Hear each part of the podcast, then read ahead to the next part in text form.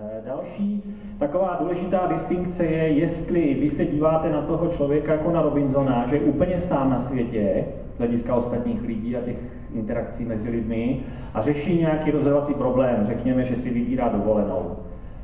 Tak eh, tam, pokud teda nemá rodinu, řekněme ještě navíc, tak skutečně rozhoduje sám za sebe, zeptá se sám sebe, co se mu líbí, co ví, co neví, co si chce zjistit a nějakým způsobem se rozhodne, nikdo dalšímu do toho nemluví. Eh, zase, je to, bych řekl, taková ta základní vrstva jednoduchá, která se podstatně zkomplikuje ve chvíli, kdy vy do hry pustíte další lidi, protože tam nastává celá řada zajímavých efektů, které to hrozně moc komplikují. Eh, když uvedu pár příkladů, je to třeba otázka koordinace. Pokud bychom my všichni tady dneska byli burziáni a investovali do akcí, tak samozřejmě na burze v první řadě jde o to, neodhadnout, které akcie mají vysokou hodnotu nebo Eh, jsou nějakým způsobem, který obory perspektivy do budoucna, ale co budou kupovat ostatní, co jsou s vámi na té burze. To je to jediné důležité vlastně kritérium. A tím pádem vzniká otázka koordinace, jestli všichni poslechneme určitý jeden signál a začneme to nakupovat ve stejnou chvíli, uvažujeme stejným způsobem, nebo každý je citlivý na něco jiného, eh, nebo eh, druhá otázka, otázka komunikace, co si navzájem řekneme, co, jak, do jaké míry si odkryjeme karty. Otázka třeba, eh, pokud ta situace se opakuje, tak vy někomu poskytnete nějakou příznivou službu v prvním opakování a čekáte, že on vám to vrátí v tom druhém opakování. Otázka zní, jestli to tak skutečně bude. To může záviset na spoustě různých faktorů, jestli lidé prostě se k sobě chovají slušně nebo neslušně, Eh, takže tam vzniká prostě celá další druhá vrstva potíží a komplikací, které musíte vzít v úvahu, jakmile prostě eh, je těch lidí víc, se kterými musíte nějakým způsobem eh, přijít do styku. Pak další otázka je vůbec typy úloh z hlediska toho okolí, ve kterém se nacházíte. To základní rozdělení, jedno možné, těch rozdělení je samozřejmě spousta, ale jedno z nich, které mně přijde v celku intuitivní, je, že buď v zásadě ten důraz při tom vašem rozhodování je na tu objektivní složku, to znamená, vy se snažíte něco zjistit, to byl třeba ten příklad těch eh, eh, Spojených národů, že vy se snažíte odhadnout nějakou hodnotu, která někde je objektivně, akorát vy prostě neznáte, tak se snažíte buď ji předpovídat, pokud se to týká budoucnosti, nebo nějakým způsobem odhadnout induktivně a tak dále. Ale vlastně tam nehraje roli, co chcete nějak zvlášť. Vy se snažíte zjistit, jak se věci skutečně mají. Pak přichází druhá fáze, to je to rozhodování v tom úzkém slova smyslu, kdy vy kromě toho, co všechno víte, objektivně, ještě přiberete na palubu to, co chcete, subjektivně, to znamená vaše preference. A snažíte se z některých, několika možností, které máte před sebou, vybrat tu, která se vám zdá nejlepší. Takže to je ta jakoby eh, až druhá fáze, která staví na té první a zase tam můžeme dále jít do hloubky a rozlišovat různé typy situací, eh, protože v zásadě to rozhodování je zajímavé až teprve ve chvíli, kdy vy potřebujete vyřešit nějaký konflikt. Pokud si řekněme, vybíráte mezi dvěma zaměstnáními a zaměstnání A je nemlich úplně stejné jako zaměstnání B, pouze Ačko vám nese víc peněz, tak není co řešit. To není rozhodování, to je jenom maximalizace funkce o jedné proměně, bych řekl matematik. Ale zajímavá ta situace, to, to rozhodování začíná až teprve ve chvíli, kdy vy musíte řešit konflikt, kdy Ačko má nějaké výhody oproti Bčku a Bčko má nějaké výhody oproti Ačku. A vy to musíte, vy musíte tahle ta jabka a hrušky nějakým způsobem smíchat a dostat z toho nějaké finální rozhodnutí, jestli teda Ačko je lepší než Bčko. A v tom je ta obtížnost toho rozhodování. A e, ty možnosti, které máte před sebou, se můžou lišit buď z hlediska nějakých atributů, na které se díváte, když si třeba kupujete jogurt, tak eh, drahý jogurt je drahý, to je nevýhoda jeho, ale zase má dobrou chuť. A vedle něj je ledný jogurt, to je jeho výhoda, ale zase není tak dobrý. A vy musíte nějak si v hlavě smíchat tyhle dvě věci dohromady, jestli vám ta, to zlepšení v chuti stojí za ty eh, peníze, které musíte dát navíc. To je jedna možnost, taková nejprůzračnější. Další možnost je, která je v ekonomii, bych řekl, daleko eh, více využívaná, jsou stavy okolí, to znamená nejistota. Vy nevíte, co se bude dít. Řekněme, že si vybíráte tu dovolenou a máte na mysli, že byste možná chtěli jet do Egypta, ale nejste si úplně jistí, jestli v tuhle dobu tam bude hezký nebo ošklivě. A samozřejmě vaše spokojenost s tou dovolenou na tom hodně závisí. Takže uh, vy musíte nějakým způsobem odhadnout ty pravděpodobnosti a pak si říct, jestli vám to stojí za to, protože když tam bude ošklivě, dali jste za to spoustu peněz a celou dobu tam budete sedět a do moře ani nevlezete. Versus, že pojedete, já nevím, do Orlických hor, tam víte, co vás zhruba čeká, ale zase je to podstatně levnější a ta nejistota tam tak velká není, co se přesně bude dít. Takže eh, to je eh, vliv nejistoty. A třetí taková základní možnost, třetí dimenze, ve které eh, může ten, ty konflikty můžou nastat, je v čase. To znamená, vy veškerou budoucnost od teďka, kdy se rozhodujete do budoucna, si rozdělíte v duchu na, na několik období, která jsou pro vás nějakým způsobem zajímavá a e, tam nastávají ty konflikty. To znamená, například student může si říkat, dobře, tak tahle ta vysoká škola je nenáročná, já strávím spoustu času e, v pohodě na různých večírcích a v kině a tak dále, ale ten zbytek života, po té, co z té školy výjdu, za moc stát nebude, protože si moc nevydělám, nebudu mi dobré e, zaměstnání, příjmy a tak dále. Takže zase porovnáváme výhody a nevýhody různých možností ale směrem do budoucna. Není tam nejistota, není to snad ani pohled z více možných eh, jaksi atributů nebo hledisek, ale je to spíš problém eh, v čase do budoucna. No a pak tam jsou některé speciální efekty nastávají, které eh, v tom oboru v psychologii rozhodování, které se tak úplně nedají zařadit do těchto dvou základních škatulek. Eh, jedna, jeden efekt zase, který v ekonomii hraje docela velkou roli, já se k tomu za chviličku vrátím, je otázka, jak vlastně lidé hodnotí výsledky toho svého rozhodování. To znamená, když se rozhodujeme, tak máme základně dvě možnosti. Buď hodnotíme každý ten výsledek úplně celý, se vším všudy en blok, to, co se stane s námi, tak, jak budeme žít poté, co se rozhodneme daným způsobem. Čili třeba, když si kupujeme boty, boty A nebo boty B, tak boty A můžeme hodnotit tak, že si představíme, co všechno, jak bude náš život vypadat poté, co si koupíme boty A. A nebo ta druhá možnost, co všechno, když si koupíme boty B. Což samozřejmě už tak, jak to popisuju, tak vyznívá poměrně absurdně. Nicméně faktem je, že vlastně v ekonomii, v těch ekonomických modelech rozhodování se většinou postupuje právě tím tím stylem. Ta druhá alternativa, ta relativní, je ta, že vy ve skutečnosti se nedíváte na celou tu, celý ten výsledek se vším všudy, celý váš život, po té, co se rozhodnete pro Ačko nebo pro Bčko, ale zkoumáte jenom rozdíly oproti nějakému základu. Čili vy si jako ten základ vezmete třeba svoje současné boty a jenom se ptáte, jak se váš život, v jakých směrech se váš život změní po té, co si koupíte to Ačko nebo to Bčko. A to už je daleko jednodušší ohodnotit tyhle ty výsledky, protože těch změn bude jenom pár, jenom v pár směrech, ale zbytek vašeho života víceméně poběží úplně stejným stylem bez ohledu na to, co si vyberete. Takže e, otázka zní, veliká debata o tom byla, do jaké míry, který z těchto modelů je blíž pravdě. Což bych řekl snad ani se nikdo nepře, ani bych řekl ekonomové by asi nějak tvrdě netvrdili, že, eh, že prostě je to ta absolutní varianta, protože víceméně nemožná, technicky to prostě nejde. Spíš je pak otázka, eh, co z toho se modeluje jednodušším způsobem. Ještě se k tomu vrátím, až vám uvedu jeden konkrétní příklad. No a další velice zajímavá oblast, eh, která bych řekl taky eh, nadzvedla eh, ekonomu Mandle, jak se lidově říká, byla, nebo se vynořila ve chvíli, kdy někteří psychologové začali upozorňovat na to, že to oceňování těch výsledků našeho rozhodování zatraceně moc závisí na tom, kdy přesně v čase jsou ty výsledky umístěny. Že jedna věc je, pokud my, pardon, pokud my v tuhle tu chvíli právě něco prožíváme, řekněme, že pijeme víno, nějaké, které nám chutná, tak to je jeden typ prožitku. Ale jiný typ prožitku je, pokud my čekáme, jaké to bude, až to víno budeme pít. My už jsme ho třeba pili v minulosti, takže zhruba víme, jak to chutná. A my teďka si vytváříme představu o tom, jaké to bude, až dneska večer půjdeme na to víno někam do vinárny. A tam může být rozdíl. A ukazuje se, že tam často je rozdíl, že lidé vlastně nevědí přesně, nejsou schopni přesně předpovědět, jak se budou ve skutečnosti cítit, až ten výsledek budou prožívat.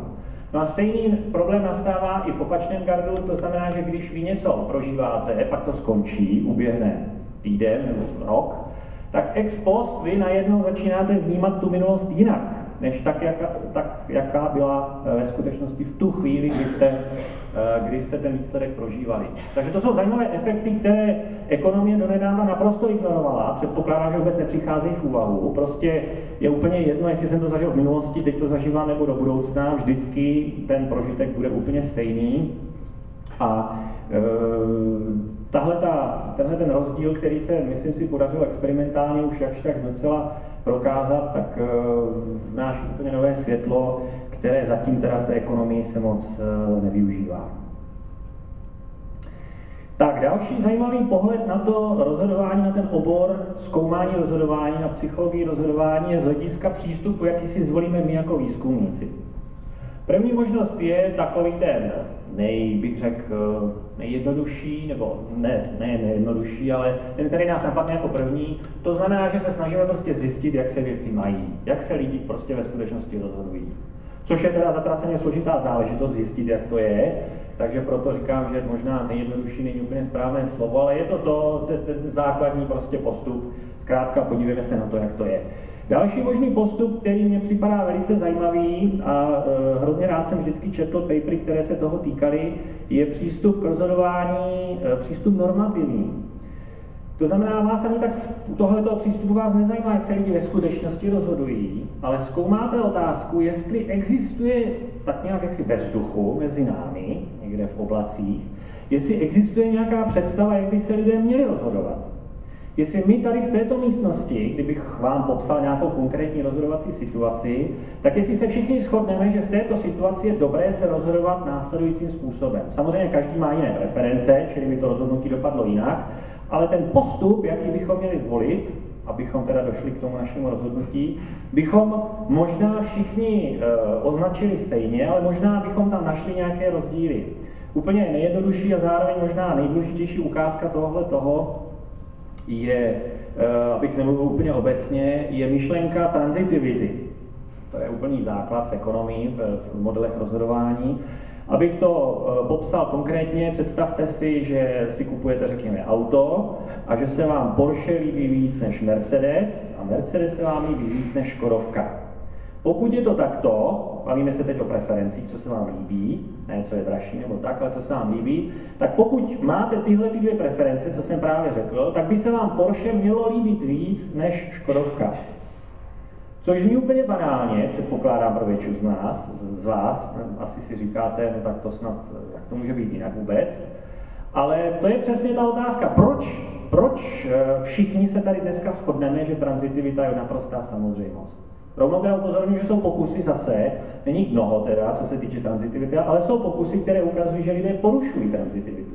Dokonce se najdou tací, kteří poruší a pak, když se jich ten experimentátor zeptá, poslyšte, uh, nic ve zlém, ale tadyhle v těch vašich odpovědích jsme zjistili, že jste porušili párkrát tranzitivitu, tak ty lidi řeknou, no co, tak prostě já jsem se rozhodoval určitým způsobem, podle mého názoru rozumným, a výsledkem porušení transitivity, no tak, tak je, no, tak co se dá dělat. Takže to si myslím, že je velice zajímavá oblast, pobavit se o tom, kdo z nás má jakou představu o tom, jak bychom se měli správně rozhodovat. Těchto těch zásad, jako je transitivita, existuje spousta. E, máte různé typy dominance, těch transitivit je celá řada, já jsem zmínil jenom úplně nejjednodušší, ale je to celá jakoby rodina těch zásad. Čili e, je tohle, tohle je ta zajímavá oblast, e, kdy se bavíme o tom, jak bychom se chtěli ideálně rozhodovat, kdybychom na to měli čas, nervy, a tak dále, tak eh, co si představujeme pod pojmem to správné, nejlepší, naprosto stoprocentně racionální eh, rozhodování.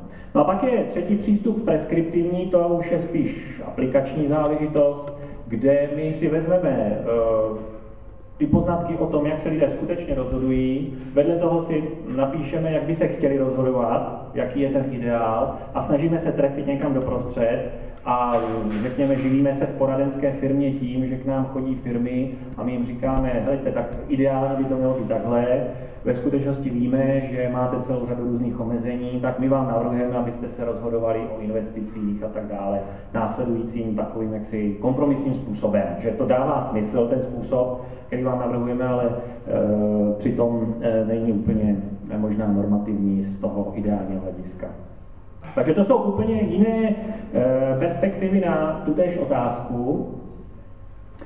Teď se vracím zpátky k tomu pokusu. E, ten pokus se mně hrozně líbí v tom, že je strašně jednoduchý, rychlý, zejména pokud teda mám k dispozici dvě místnosti, což tady nešlo, tak to bylo trošičku komplikovanější. Ale ten pokus totiž ukazuje krásný příklad, jednoduchý příklad nenormativního rozhodování. Rozhodování, které porušuje zásadu, se kterou asi všichni zase tady dneska v tom sále se, se stotožníme. Ten pokus byl proveden v roce 74 poprvé, nebo publikován teda, eh, pány Tverským a Káhnemanem, což jsou, eh, bych řekl, v tom oboru eh, zkoumání, rozhodování z pohledu ekonomů, jsou, bych řekl, klasici s tím největším možným K, vlastně ten obor, dá se říct, víceméně založili a do značné míry vybudovali a ta dnešní literatura na ně pořád ještě navazuje, když třeba kriticky, ale neustále prostě je to taková bible, ty, ty jejich publikace, kterých byla celá řada.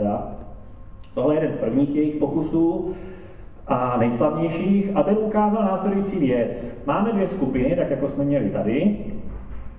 A e, v každé z těch dvou skupin je vylosováno jedno číslo, náhodně, tak jako jsme tady losovali čísla e, z karet. Ve skupině A bylo vylosováno poměrně nízké číslo v tom jejich originálním pokusu, desítka, a ve skupině B 65, čili daleko vyšší číslo. A ukazuje se, že potom medián odhadu lidí na základ, jak si v těch dvou skupinách se velice výrazně liší podle toho, jaké bylo na začátku vylosováno to číslo. Čili Představte si, že by na tomhle čísle, na tom druhém čísle, na tom vašem odhadu závisela nějaká důležitá věc ve vašem životě. Tak tenhle ten pokus ukazuje, že já jsem schopen tu vaši úvahu, ten váš odhad poměrně fest ovlivnit tím, že předtím, než vy začnete přemýšlet o tom důležitém čísle, tak já vám podvrhnu naprosto nepodstatné, irrelevantní číslo, které jsem tady vylosoval e, pomocí kartiček. Tomu se říká takzvaný kotevní efekt, čili e, ta první otázka, která zazněla, méně nebo více, ta vás donutila jakoby ten váš odhad nejdřív svázat s tím, co se vylosovalo. A v tom druhém kroku vy se máte odlepit od té kotvy a dojít k nějakému skutečně jaksi relevantnímu závěru. No ale jak se ukazuje, tak ta kotva vás jaksi drží u sebe a nedovoluje vám dojít tak daleko, jak byste možná chtěli. Takže prostě výsledek je ten, že um, jaksi odhad lidí, možná i o důležitých věcech, se dá ovlivnit takovýmhle úplně banálním způsobem. A ukazuje se, ten pokus byl po té době opakován nesčíslněkrát a ukazuje se, že to platí i v případě, že ta první číslo je třeba úplně nesmyslné. Myslím, že jeden pokus se týkal počtu Eh, počtu písniček Beatles, které byly v top 10 nějaké parádě a ta kotva na začátku byla třeba 50 tisíc nebo něco podobného. Jo, tak i tak prostě se ukazuje, že lidé se nechávají ovlivnit naprosto nepodstatným signálem, který zazní na začátku, tak pak už prostě pořád nám straší v té hlavě a ovlivňuje to naše rozhodování. Tak, eh, teď se teda vrátím k těm našim číslům. Skupina A je ta modrá, a ve skupině A bylo to číslo větší, jestli se nepletu, to bylo těch 56. A já tadyhle mám, doufám, že to zafungovalo na druhém fajlu ukázku e, mediánu, nebo výpočet mediánu velice rychlosti. A jestli jsem neudělal chybu v tom algoritmu, tak to vypadá, že Ačko je skutečně maličko výš než Bčko, ten medián. Ten medián je na té 50% hladině a tam ta modrá čára je přece jenom doprava od té červené, i když teda maličko. E, takže to vypadá, že i u nás teda se povedlo tenhle ten efekt maličko e, jak si e, replikovat. A kolik mělo Bčko vylosováno? 22. 22. Ten rozdíl mohl být větší. Já jsem tady bohužel, teda, jak tady mám těch kupiček víc, tak jsem šáhnul po špatné, takže mělo to být ještě hůř. Já vám za chvilku ukážu, Eh, jakým způsobem. Tak.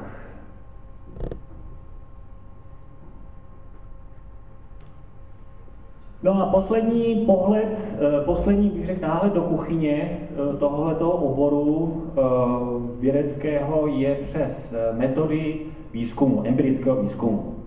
Je to v angličtině a to předpokládám, že není pro, jako nějaký velký problém. Já tady eh, z toho vyberu jenom některé základní věci. To, co nás asi napadne jako první a to, co víceméně jsme dělali při, tom, při těch Spojených národech, to bylo, to je metoda eh, dotazníková. Vy si prostě pozvete lidi, nebo dokonce i na ulici je potkáte a ptáte se jich. Buď se jich můžete ptát hypoteticky, představte si, že byste chtěli Eh, se rozhodovat o nějaké konkrétní úloze, eh, jsou tam nějaké výsledky, jak byste se v takové úloze hypoteticky